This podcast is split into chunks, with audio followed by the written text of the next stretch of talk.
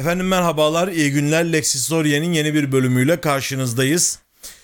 Kısa kısa hukuk adını verdiğimiz bir serimiz vardı hatırlayacak olursanız. Şimdi ismi değişmiş oldu dejure olarak.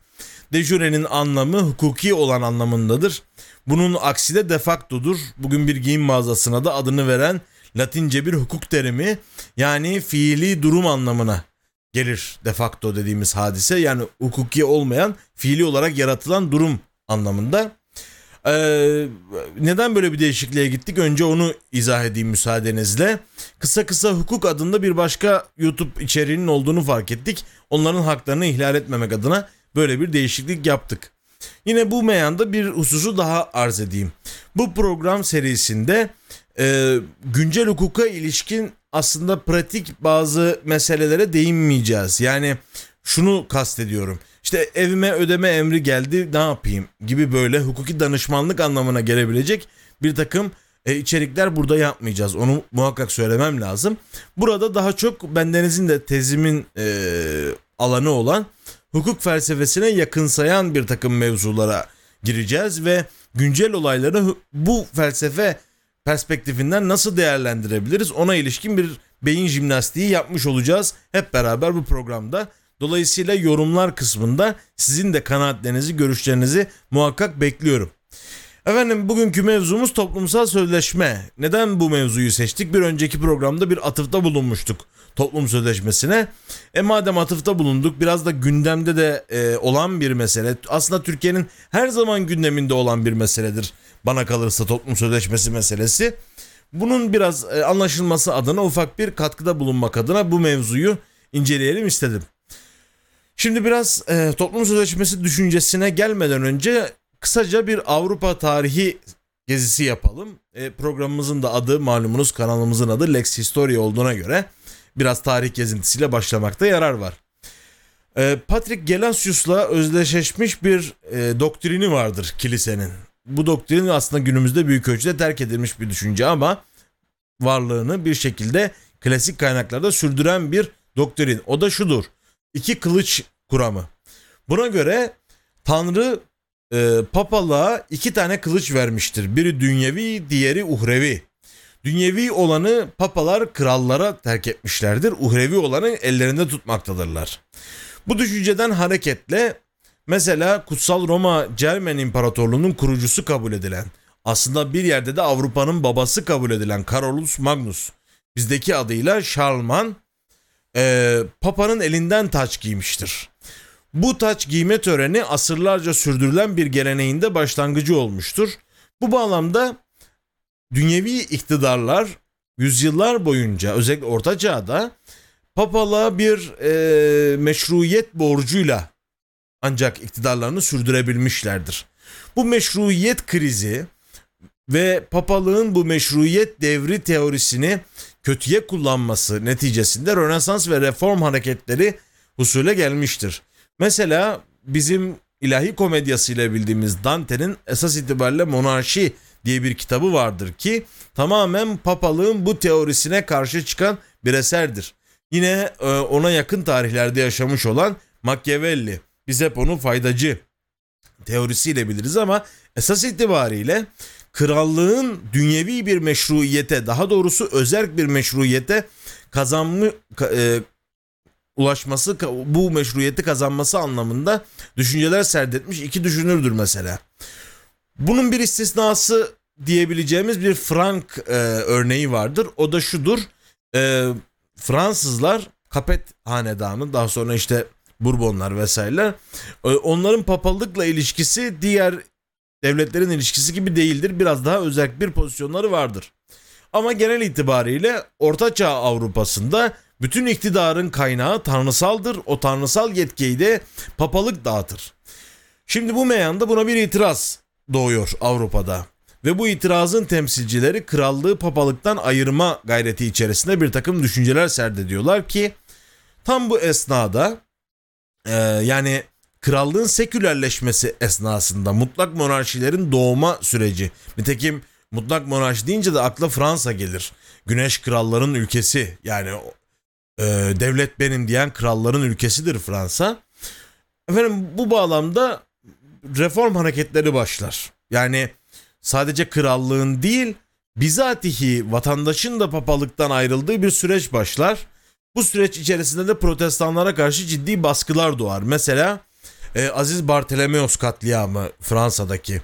Bunun üzerine de bir monarkomaklar denen bir filozoflar sınıfı, bir düşünürler sınıfı doğar. Yani kral düşmanları e, anlamında. Bunlar zalim bir krallığa karşı direnilebileceğini ileri süren François Hotman gibi mesela gönüllü kulluk üzerine söylevi yazmış muazzam bir eserdir çok küçük olmasına rağmen e, La Boétie gibi önemli filozoflar bunlar. Bunların düşünceleriyle de aslında krallık da meşruiyetini tanrısal kaynaktan alır pozisyondayken ki mutlak monarşi böyle bir şeydir. Mesela Osmanlı tarihini hatırlayın. Osmanlı padişahları halifelikten kaynaklanan bir ifade olarak kendilerine zillullahı fil alem diyorlardı. Yani Allah'ın yeryüzündeki gölgesi diyorlardı. Bu Abbasilerden bu yana gelen bir e, ünvandı halifeler için. Şimdi Avrupa'da da papalıktan kurtulmalarına rağmen e, mutlak monarşiler, monarşiler kendi yetkilerinin doğal hukuktan veya tanrısal hukuktan kaynaklandığını iddia ediyorlardı. Meşruiyet kaynaklarını tanrısal bir yetkiye dayandırıyorlardı.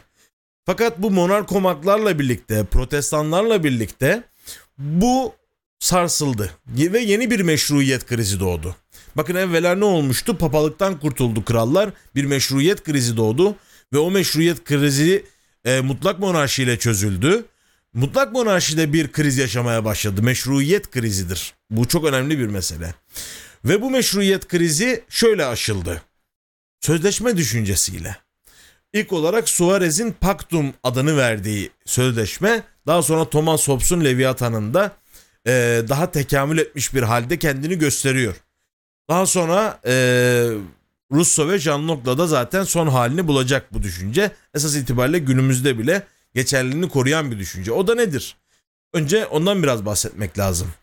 E, devletin her ne kadar bizim milletimiz aksini iddia etse de ebed müebbet olmadığı.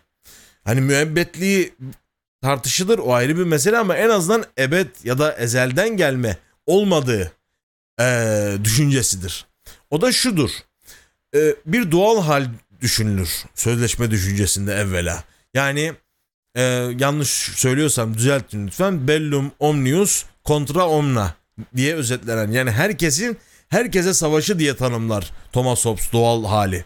Ve yine onun böyle bizim dilimize pelesenk olmuş ifadesiyle homo homini lupus yani insan insanın kurdudur. E, doğal halde de insanlar birbirlerinin haklarını yemekte hiçbir beis görmezler. Büyük bir savaş halidir doğal hal e, Thomas Hobbes'a göre. Ve bu doğal haldeki savaşı bitirecek olan mesele devlet olmuştur tarihi içerisinde. Sözleşme fikri aslında buna dayanır. Yani insanlar kavgalarını, uyuşmazlıklarını, bu uyuşmazlıkları çözecek ve e, meşru zor kullanma yetkisine sahip üçüncü bir kuruma devrederek yani esas itibariyle aslında bir takım özgürlüklerinden vazgeçerek devlet diye bir müesseseyi ortaya çıkarmışlardır. Bu düşünce e, Jean-Jacques Rousseau'da doğal hal daha ütopik bir hal ve güzel bir hal olarak tanımlanmasına rağmen devam eder. Ona göre de sosyal kontrat yani sosyal kontrat dediği mesele şu yine toplum sözleşmesi yani. Ee, o da devleti insanların bir sözleşmeyle var ettiği bir kurum olarak tanımlar. Çok kısaca toplum sözleşmesi düşüncesi esas itibariyle budur. Yani devlet ne tanrısal bir yetkidir ne de doğal hukuktan çıkmış e, kuruluş tarihi bilinmez efendim e, her zaman geçerli bir müessesedir. Devlet bizim sözleşmeyle var ettiğimiz bir müessesedir.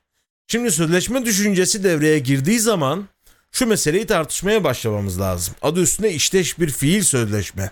Dolayısıyla vatandaşın yani bu sözleşmenin tarafı olan ve devleti var eden insanların, bireylerin bir takım sorumlulukları vardır bu sözleşmeden kaynaklanan. O da nedir? Askere çağrıldığında gitmek gibi, vergi vermek gibi, hatta bugün oy kullanmak gibi bir takım vatandaşlık mesuliyetlerimiz var. Bunun karşısında da bizlere verilmiş olan bir takım haklar var. Daha doğrusu devlet tarafından koruma altına alınmış bir takım haklar var. Onlar da ne? Temel insan hak ve hürriyetleri. Mesela mülkiyet hakkımız, can mal güvenliğimiz, özel hayatımızın gizliliği gibi bir takım haklarımız var ve bu hakları tek ve yegane e, zor kullanma gücüne sahip olan kurum olan devlet bizim namımıza koruyor. Mantalite budur.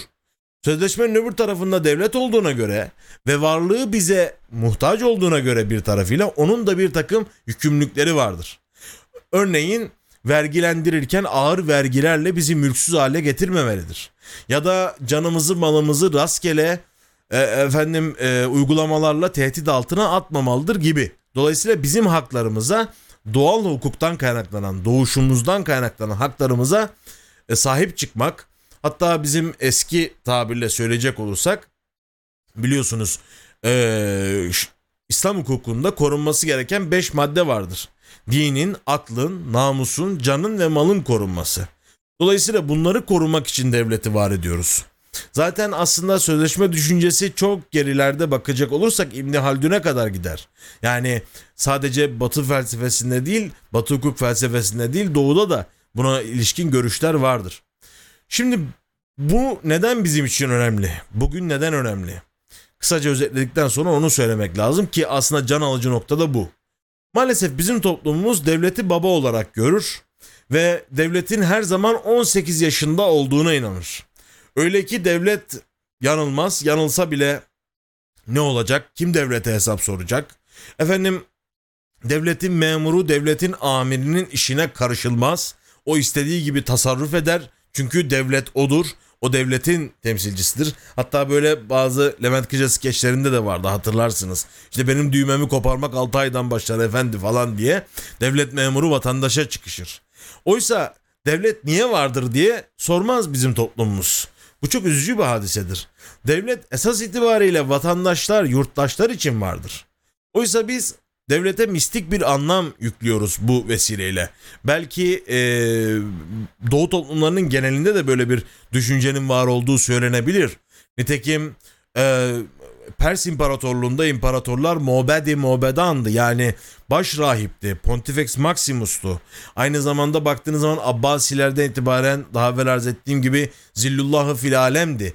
Yani o metafizik e, mem yine bu programda da meme atıfta bulunduk. E, o genimize işlemiş hafıza sanki bizi bırakmıyor ve biz devletin kutsal bir varlık efendim daima e, yalnızca korun, korunması gereken yegane varlık olarak telakki ediyoruz. Elbette ki e, devletin hiç olmadığı bir düzlem bizim için kaotik olacaktır. Dolayısıyla devletin korunması elzemdir. Ancak devlet niçin vardır sorusunu unutmamak gerekir. Devlet bir araçtır, amaç değildir. Biz bu araca fazla anlam yüklediğimiz zaman zaten problem çıkıyor. Nitekim e, aydınlanmanın özetidir toplumsal sözleşme düşüncesi. Bu sayede pek çok demokratikleşme adımı atılabilmiştir. Toplumsal sözleşme düşüncesinden hareketle bireysel hakların sınırları genişlemiştir devlete e, devlet aleyhine genişlemiştir bir tarafıyla da. Yani bir otokratın, bir monarkın doğrudan el koyabileceği, kafasına göre vergiler kestirebileceği bir ortamdan efendim vergilerin düzenlendiği, e, bu vergi konusu da çok önemlidir. Yani hukuk felsefesinin neresine bakarsanız bakın, hatta büyük devrimlerin neresine bakarsanız bakın, mülkiyet hakkı ve vergi meselesi üzerinden çıkmıştır. Mesela Amerikan bağımsızlık savaşını düşünün yani değil mi? Dolayısıyla hani e, kafasına göre böyle Tatar'ı gönderip paranızı alamayacağı bir düzlem e, olması hasebiyle önemlidir toplumsal sözleşme düzeni. Ve bu bağlamda da bizim toplumumuzun maalesef böyle bir kronik rahatsızlığı olduğu kanaatindeyim. Twitter'da gördüm çok hoşuma gitti. Çiğ köftecinin bile, lokmacının bile tarihi olduğunu iddia ettiği bir memleketiz. E bu bağlamda da bir takım iddialarımız var. Mesela yine Twitter'da gördüğüm bir hadise İstanbul Üniversitesi kendini 1453 yılına e, dayandırıyor. Neymiş efendim? Fatih Sultan Mehmet Han Hazretleri İstanbul'u fethettiği zaman Sahne Seman medreselerini kurmuş. O medreselerin devamı da bizim İstanbul Üniversitesi olasıymış. Yani bunun realite olmadığının siz de farkındasınızdır. Yani 1800'lerin sonunda Darülfünun adıyla kuruldu. Medrese başka bir şey, üniversite başka bir şey. Bin yıllık üniversite arıyorsak işte Oxford gibi, Harvard gibi değil mi? Bu çok daha eski köklü Avrupa'nın bir takım üniversiteleri var. Onlar gerçekten üniversite olarak kurulmuş. Kuruldukları yerde, kuruldukları binada devam ediyorlar. Oysa biz bir yandan devletin ezeli ve ebedi olduğuna inan, inanan bir toplumken e, neredeyse her iktidar değişikliğinde devletin bütün kadrolarını baştan aşağı değiştiren, eğitim politikalarını baştan aşağı değiştiren, kurumlarını, müesseselerini baştan aşağı değiştiren. Mesela bir örnek vereyim. Şimdi aklıma geldi. Bir rotasyon diye bir şey çıktı değil mi liselerde? O köklü liselerimiz bile diğer liselerle aynı oldu. Ben lisede okurken işte süper liseler yeni kalkmıştı. Anadolu liseleri vardı. Efendim şimdi her yer Anadolu Lisesi oldu. Düz lise diye bir şey kalmadı. Efendim benim okuduğum üniversitenin binası şu anda başka bir üniversiteye ait. Sürekli böyle bir değişimlerin yaşandığı bir toplumken bir yandan da devletin ezeli ve ebedi olduğuna inanıyoruz. Bu da bana açıkçası tuhaf geliyor. Oysa tamam bu değişime uygun olarak biz de desek ki toplumsal sözleşme düşüncesine varabilsek ve desek ki devlet bizim için var. Devlet biziz. Ee, dolayısıyla bu düşünceye vardığımız zaman bireysel hakların muhafazasında çok büyük aşamalar kat edeceğimiz kanaatindeyim.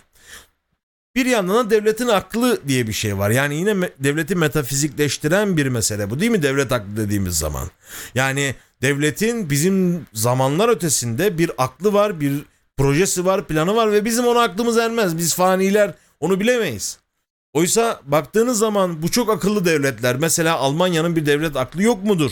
Hitler gibi bir e, af buyurun manyağı başına getirmiştir. Amerika'nın CIA, FBI gibi böyle komplo teorisyenlerinin çok sevdiği kurumları vardır malum.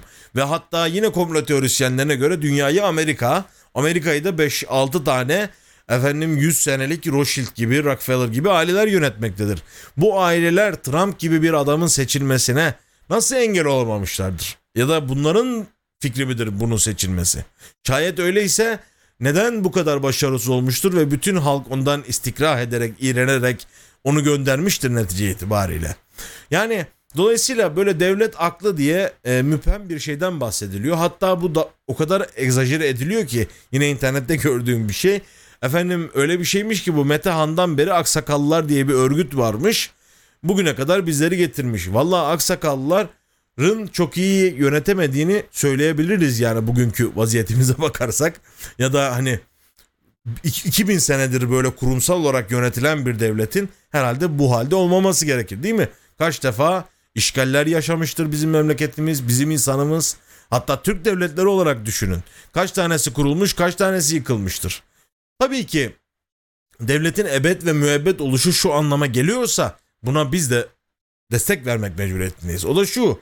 Devletin kurumları bireylere bağlı olmaksızın kişiler değişse de, iktidarlar değişse de her zaman belirli kurallara göre, kaidelere göre işliyorsa yani bütün yönetim kadroları değişse de devlet aynı şekilde işleyebiliyorsa o zaman özür dilerim. O zaman kurumsal bir devletten bahsediyoruz demektir. Bu dev, ne devlet haklıdır ne de ebedi ya da ezeli devlettir. Bu kurumsal devlettir ki doğru bir demokrasinin de aslında en büyük koruyucusu kurumsal devlet olsa gerektir diye düşünüyorum. Lafı daha fazla uzatmayayım. Toplumsal sözleşmenin ne olduğunu kısaca izah etmeye gayret ettim.